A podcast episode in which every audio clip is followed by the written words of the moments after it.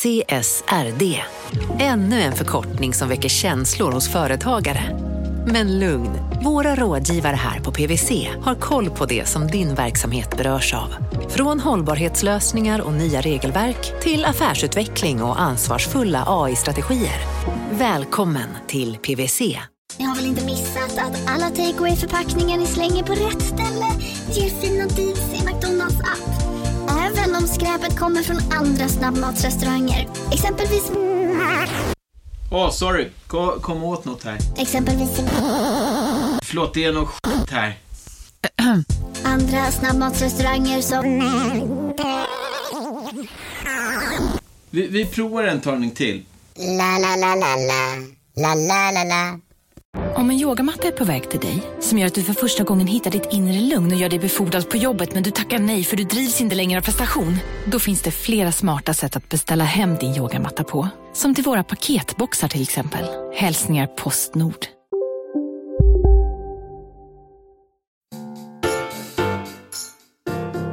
Från Monopol Media, det här är Kapitalet, med mig Jakob Bursell. Och med mig Gunnar Harjus. Idag och du har ju sett hur mycket jag har kämpat med det här. Ja. Lidit är ordet jag skulle använda. Ska vi ge oss på det kanske svåraste och största vi gjort? Jaha, jag är väldigt spänd på det. Vad är det vi ska göra? Vi ska bygga en centralbank. Alltså, varför? Jag, har för många frågor för att vi ska börja. Vadå bygga en centralbank? Ja, men så här.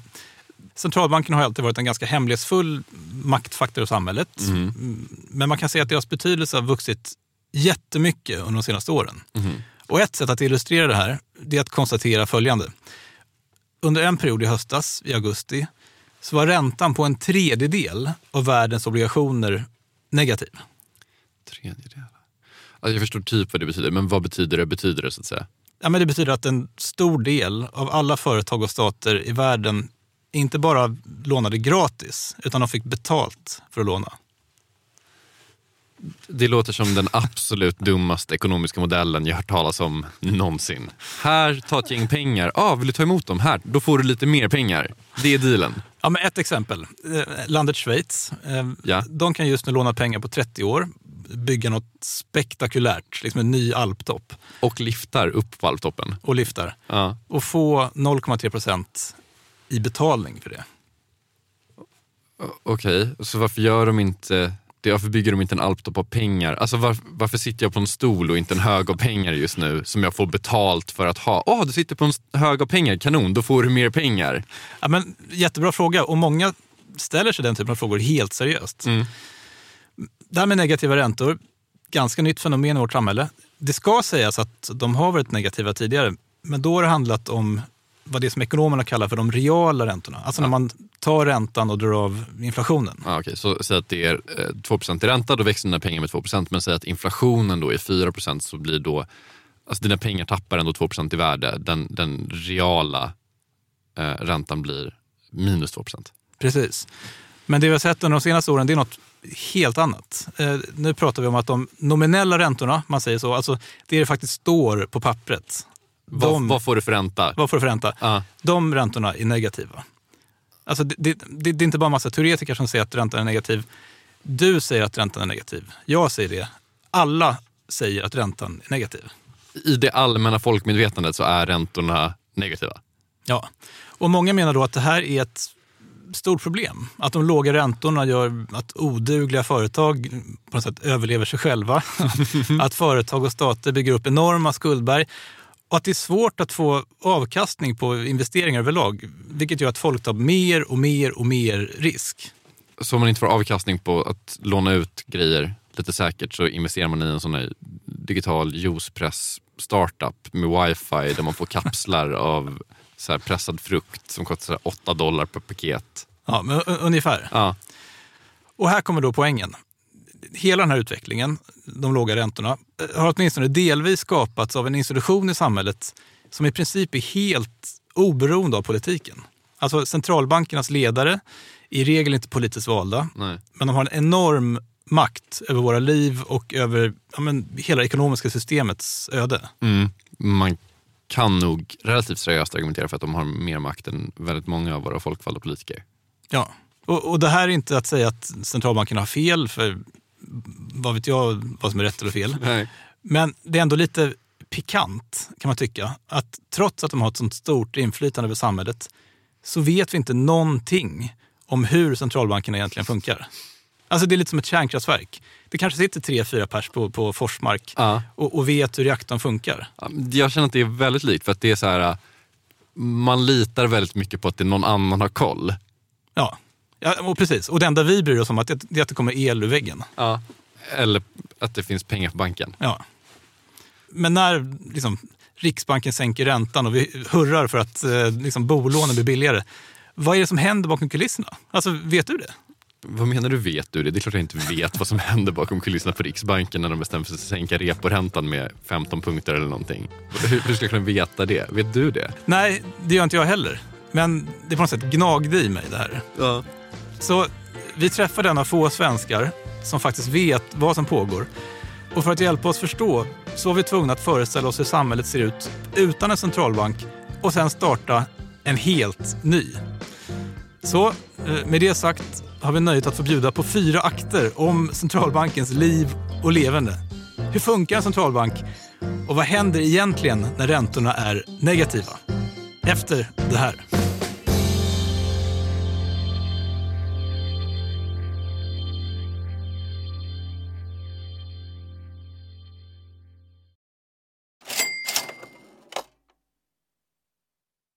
Vi sponsras av Storbrand Asset Management som ju förvaltar över 1000 miljarder norska kronor, bland annat för SPPs eh, många pensionssparare.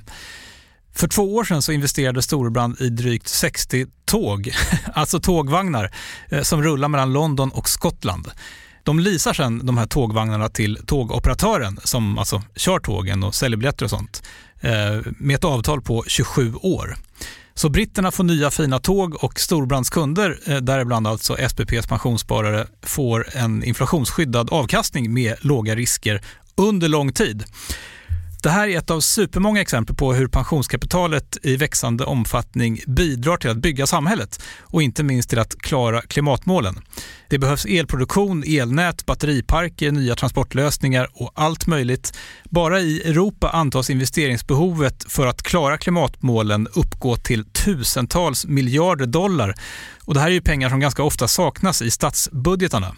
Däremot är det här pengar som pensionsbolagen kan vara med eh, och stoppa in, vilket ger pensionsspararna en fin avkastning under lång tid samtidigt som man är med och ställer om samhället. Vi har gjort ett helt avsnitt om det här eh, som man kan lyssna på. Det publiceras här i Kapitalet i mitten av maj. Ratta gärna in det om ni vill lära er mer om hur det här funkar. Men tack säger vi till Storbrand Asset Management som ju investerar i alla tänkbara tillgångslag, bland annat för pensionsbolaget SPP. Och tillsammans försöker ju vi, Storbrand och SPP, öka medvetenheten om hur pensionerna funkar och vilken roll pensionerna spelar i samhället och i ekonomin.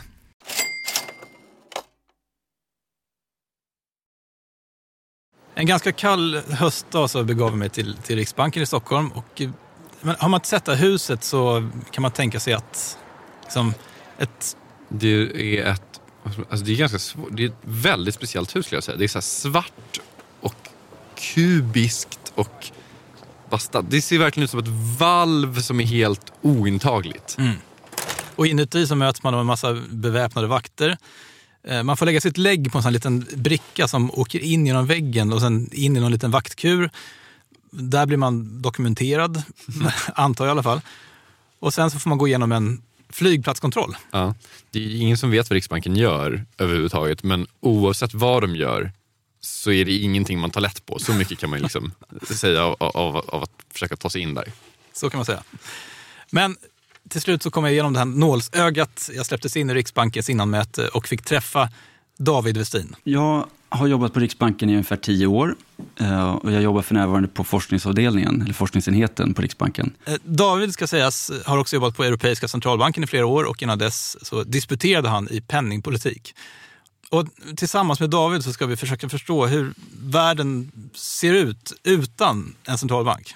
Det är så dags för akt ett.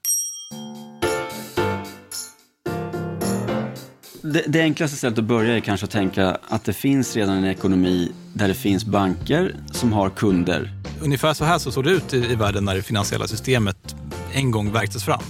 Historiskt så fanns det ju banker som gav, till och med gav ut sina egna sedlar. Så att om, om det hade skett idag så hade det funnits en växelkurs mellan Handelsbankens sedlar och Swedbanks sedlar och sådär.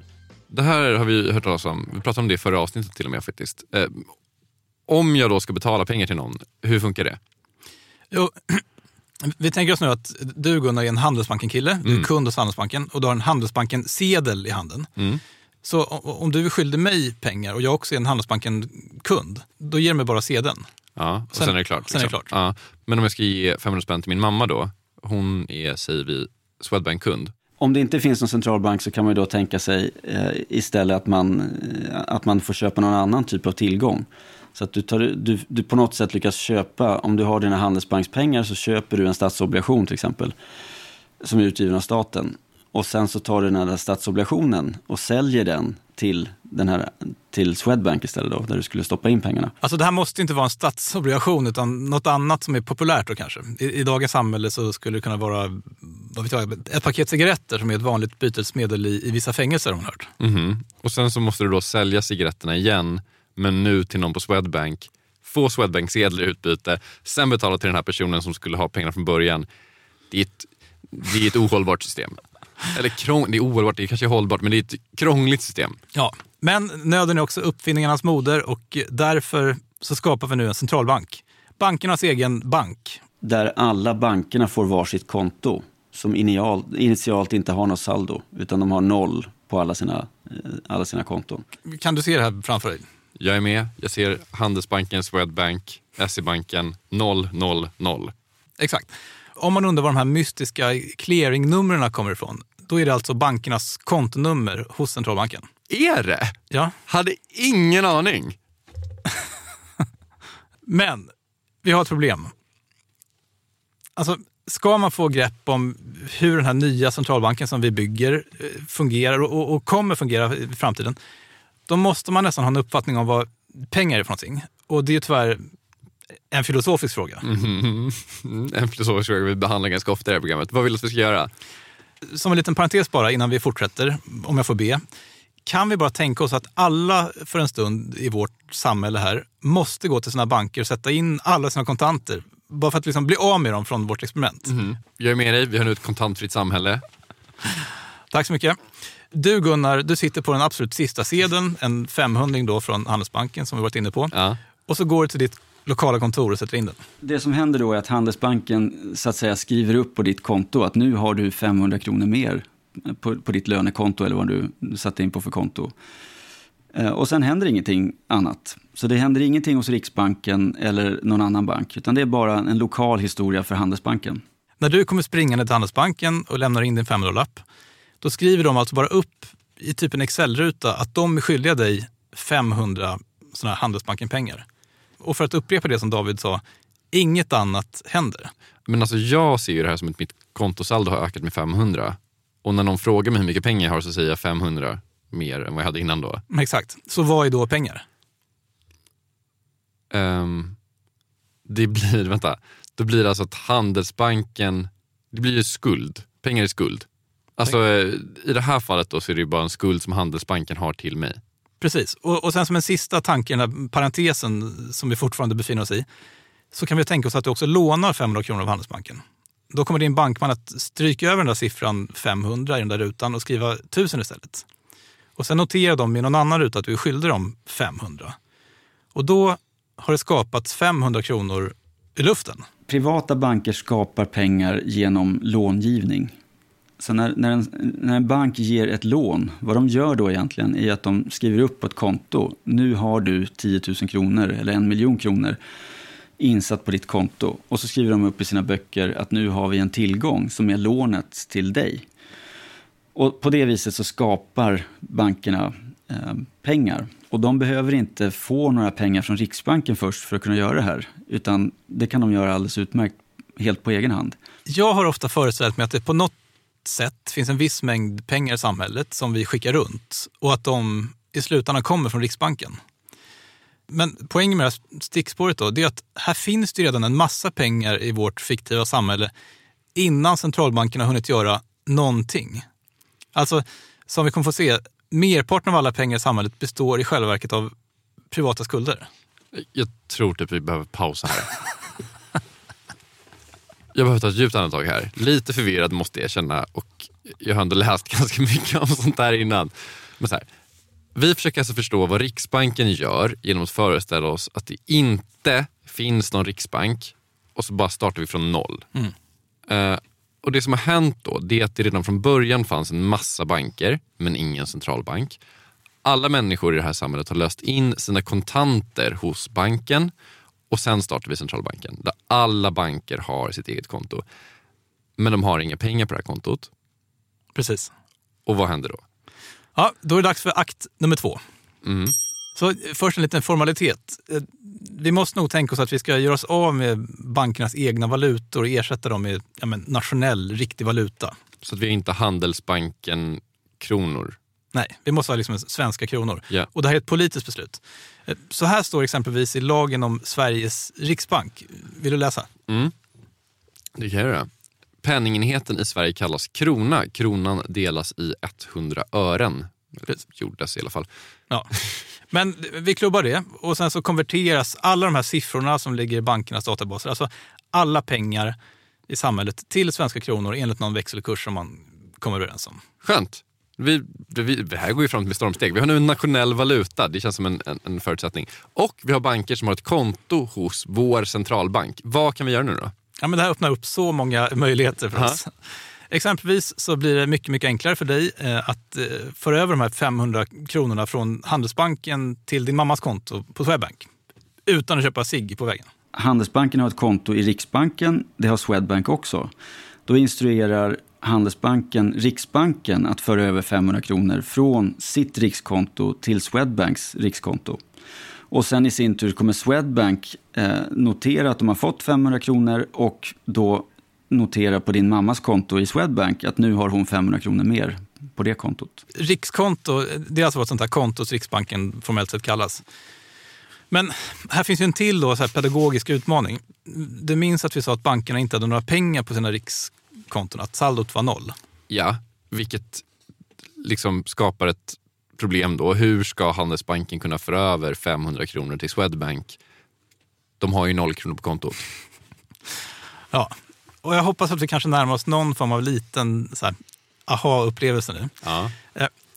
För att Handelsbanken ska kunna föra över 500 till Swedbank så måste de kunna övertrassera sitt konto. Så de sätter inte in några pengar på det här rikskontot. Däremot kan de låna pengar i Riksbanken.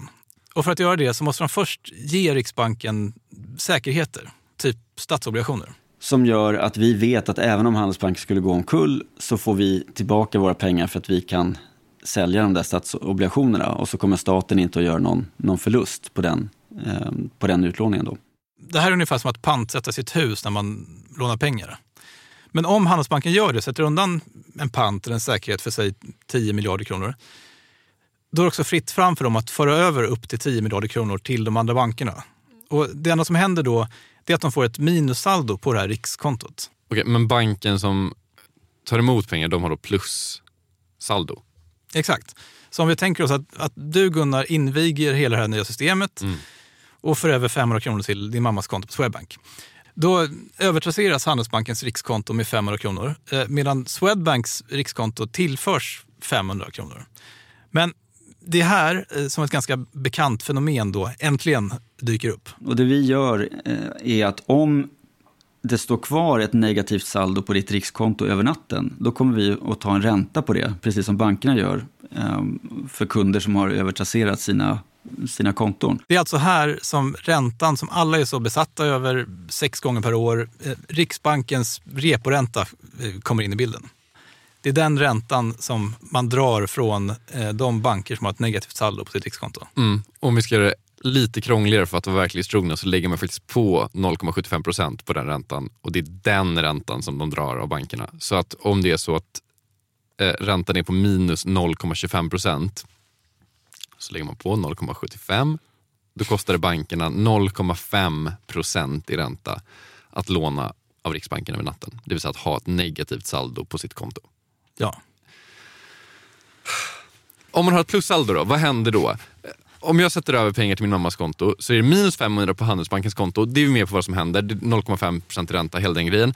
Men de här plus 500 på Swedbanks konto, vad händer med dem?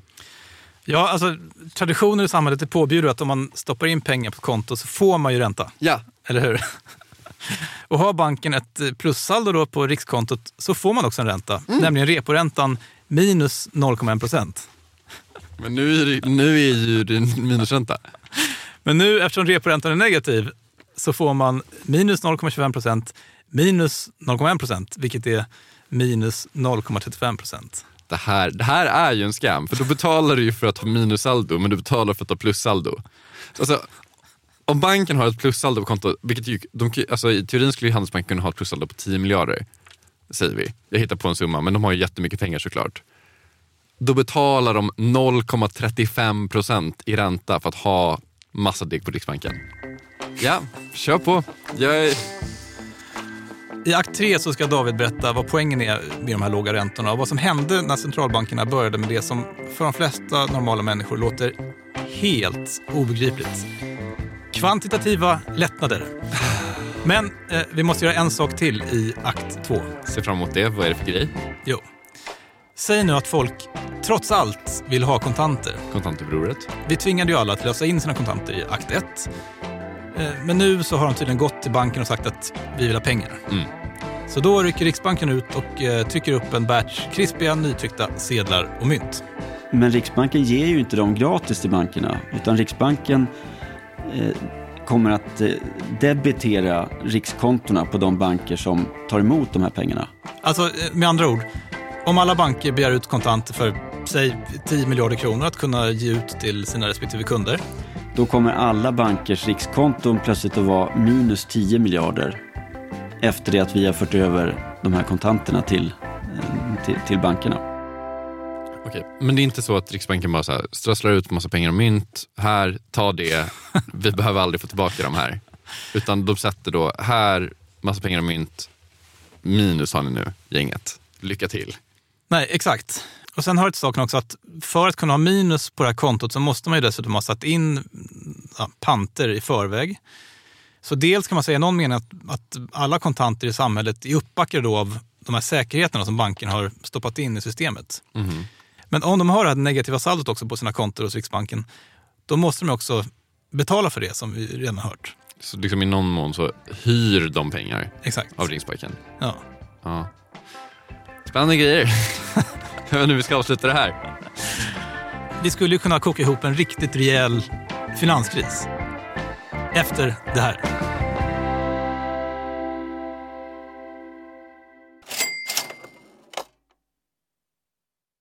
Kapitalet sponsras av Master Exchange, plattformen där du som privatperson kan investera i låtar och får pengar varje gång de här låtarna spelas. Eh, vi berättade ju senast eh, om barnlåten Puff the Magic Dragon som noterades av Master Exchange under våren. Nu har utdelningen på den låten kommit, eller royaltyn som vi säger i musikbranschen. Eh, den ligger på drygt 12% i årstakt och det här är ju en avkastning som är helt okorrelerad till eh, börsen. Till och med Goldman Sachs har börjat skriva om just musik som investering eh, just ur det här perspektivet. Nu finns en möjlighet att investera i en ny låt. Eh, låten heter Boss Bitch och den är av Doja Cat som, alltså jag ska inte säga att jag är superdeep här men det är ändå en, en person som jag vet om det är. En, en världskändis. Den här låten gav, baserad på förra årets spelningar, en avkastning på drygt 13%. Master Exchange har just nu en väntelista på registreringar. Det, det går lite för bra för dem kan man säga. Men skriver ni in kapitalet som promo code så kan ni runda kön och ansöka om andelar i låten Boss Bitch ändå. Om ni investerar helt vanliga pengar, det är inget krypto eller sånt där, så vill du investera i musik och få en avkastning som är helt okorrelerad med börsen och kanske inte minst för att det är kul att äga låtar eh, så kan man gå in på masterexchange.com och använda kapitalet som promo code så går man alltså förbi kön. Kom ihåg dock att alla investeringar är förenade med risk men vi säger stort, stort tack till Master Exchange. Kapitalet sponsras av Karla, Jakob. Ja, bilar igen. Ja, det är härligt. På Karla kan man sälja sin elbil eh, på det gissningsvis smidigaste sättet i Sverige. Eh, Karla har ju ett nästan ett komiskt högt användarbetyg på Trustpilot. Mm. 4,8 av 5, vilket jag typ aldrig hört talas om. Nej, det är väldigt, väldigt högt. Eh, Man knappar in lite info om bilen på sidan, sen får man en gratis värdering och ett bud. Accepterar du budet kommer Karla och hämtar upp bilen gratis och sätter in pengarna innan de kör iväg. Inget mer än så. Rätt fantastiskt. Nej, det är faktiskt Ja. helt otroligt. Och eh, det kan bli ännu mer eh, otroligt än så. eh, För att vi har nämligen en rabattkod som ger dig 2000 kronor extra för bilen. Så om du säljer din bil så får du två lax extra. Stämmer. Bara sådär. Koden är Monopol. Och eh, den uppger du när du har värderat bilen och eh, pratat med Karlas inköpare. Koden är giltig till sista maj, så att eh, passa på om du går i säljartankar. Jag undrar om vi haft en kod som har gett två lax bara sådär någon gång. Det är Nej, helt otroligt. man behöver en bil förvisso. Absolut, så det är inte, kanske inte bara sådär, men det är ändå 2000 kronor extra. Väldigt bra. Ja. Så sälj din elbil eller laddhybrid till Karla. Du får 2000 kronor extra med rabattkoden Monopol. Eh, hoppa in och kolla på karla.se, Karla C. Där kan man också köpa bilar ska jag tillägga. Verkligen. Vi säger stort tack till Karla. Det har blivit dags för akt 3. Den stora teasern innan den här akten var ju att det skulle bli en stor, stor kris. Kan du berätta om den här krisen och vad vi som nyinstallerad centralbank ska göra åt den? Ja, ja, men det här börjar som det alltid gör. Eh, Går man tillbaka 10-15 år i tiden så var ju räntorna i samhället mycket, mycket högre än idag. Sen gick det snett.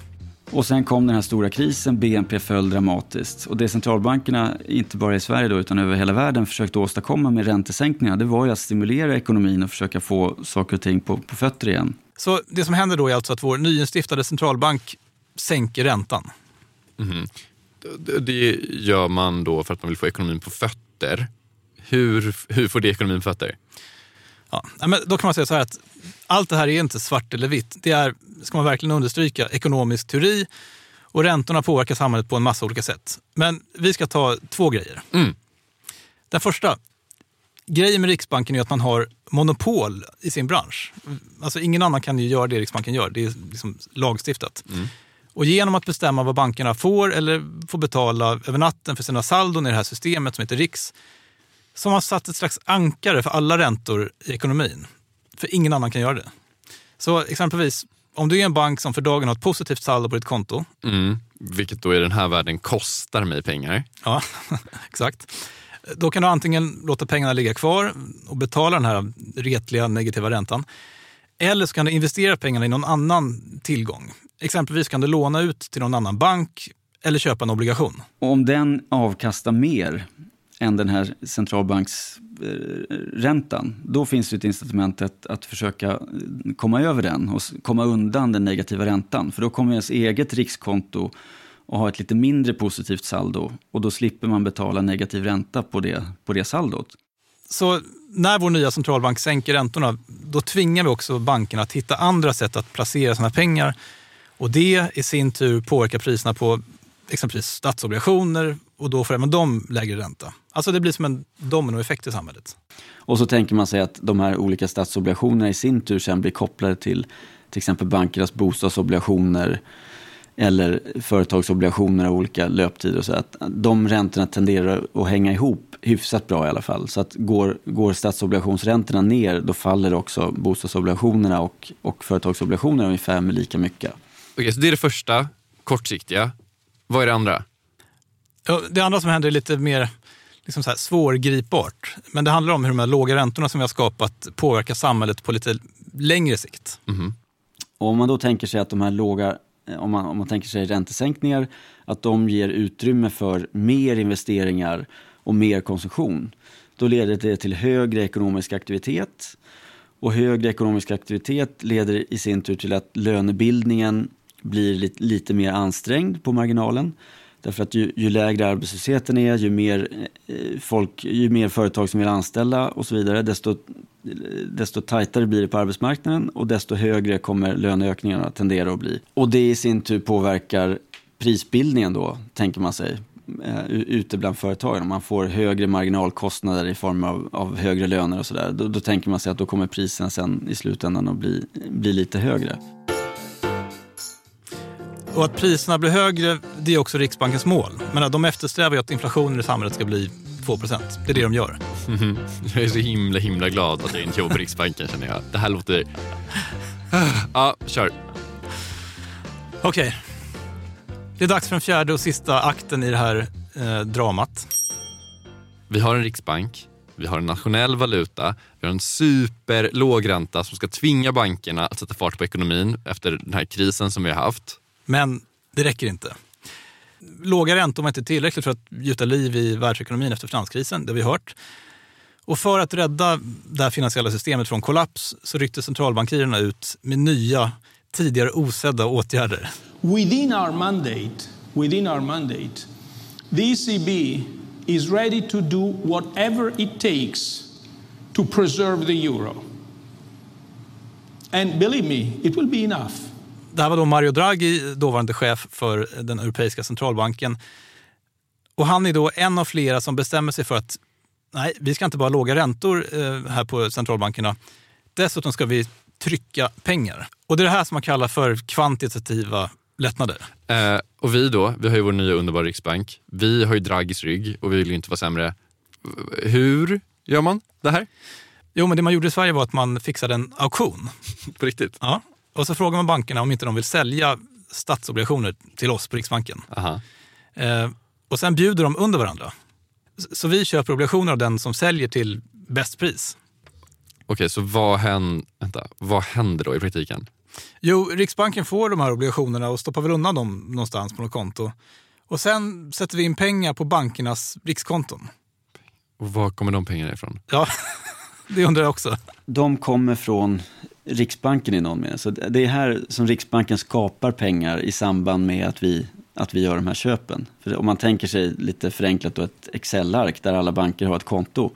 Det som händer när Riksbanken köper obligationer är helt enkelt att man skriver ett större värde på, i den här lilla cellen där, där, där den banken som sålde till oss um, har sitt konto helt enkelt. Då är det ju verkligen någon slags så pojken med guldbyxorna, att pengar bara uppstår från ingenstans.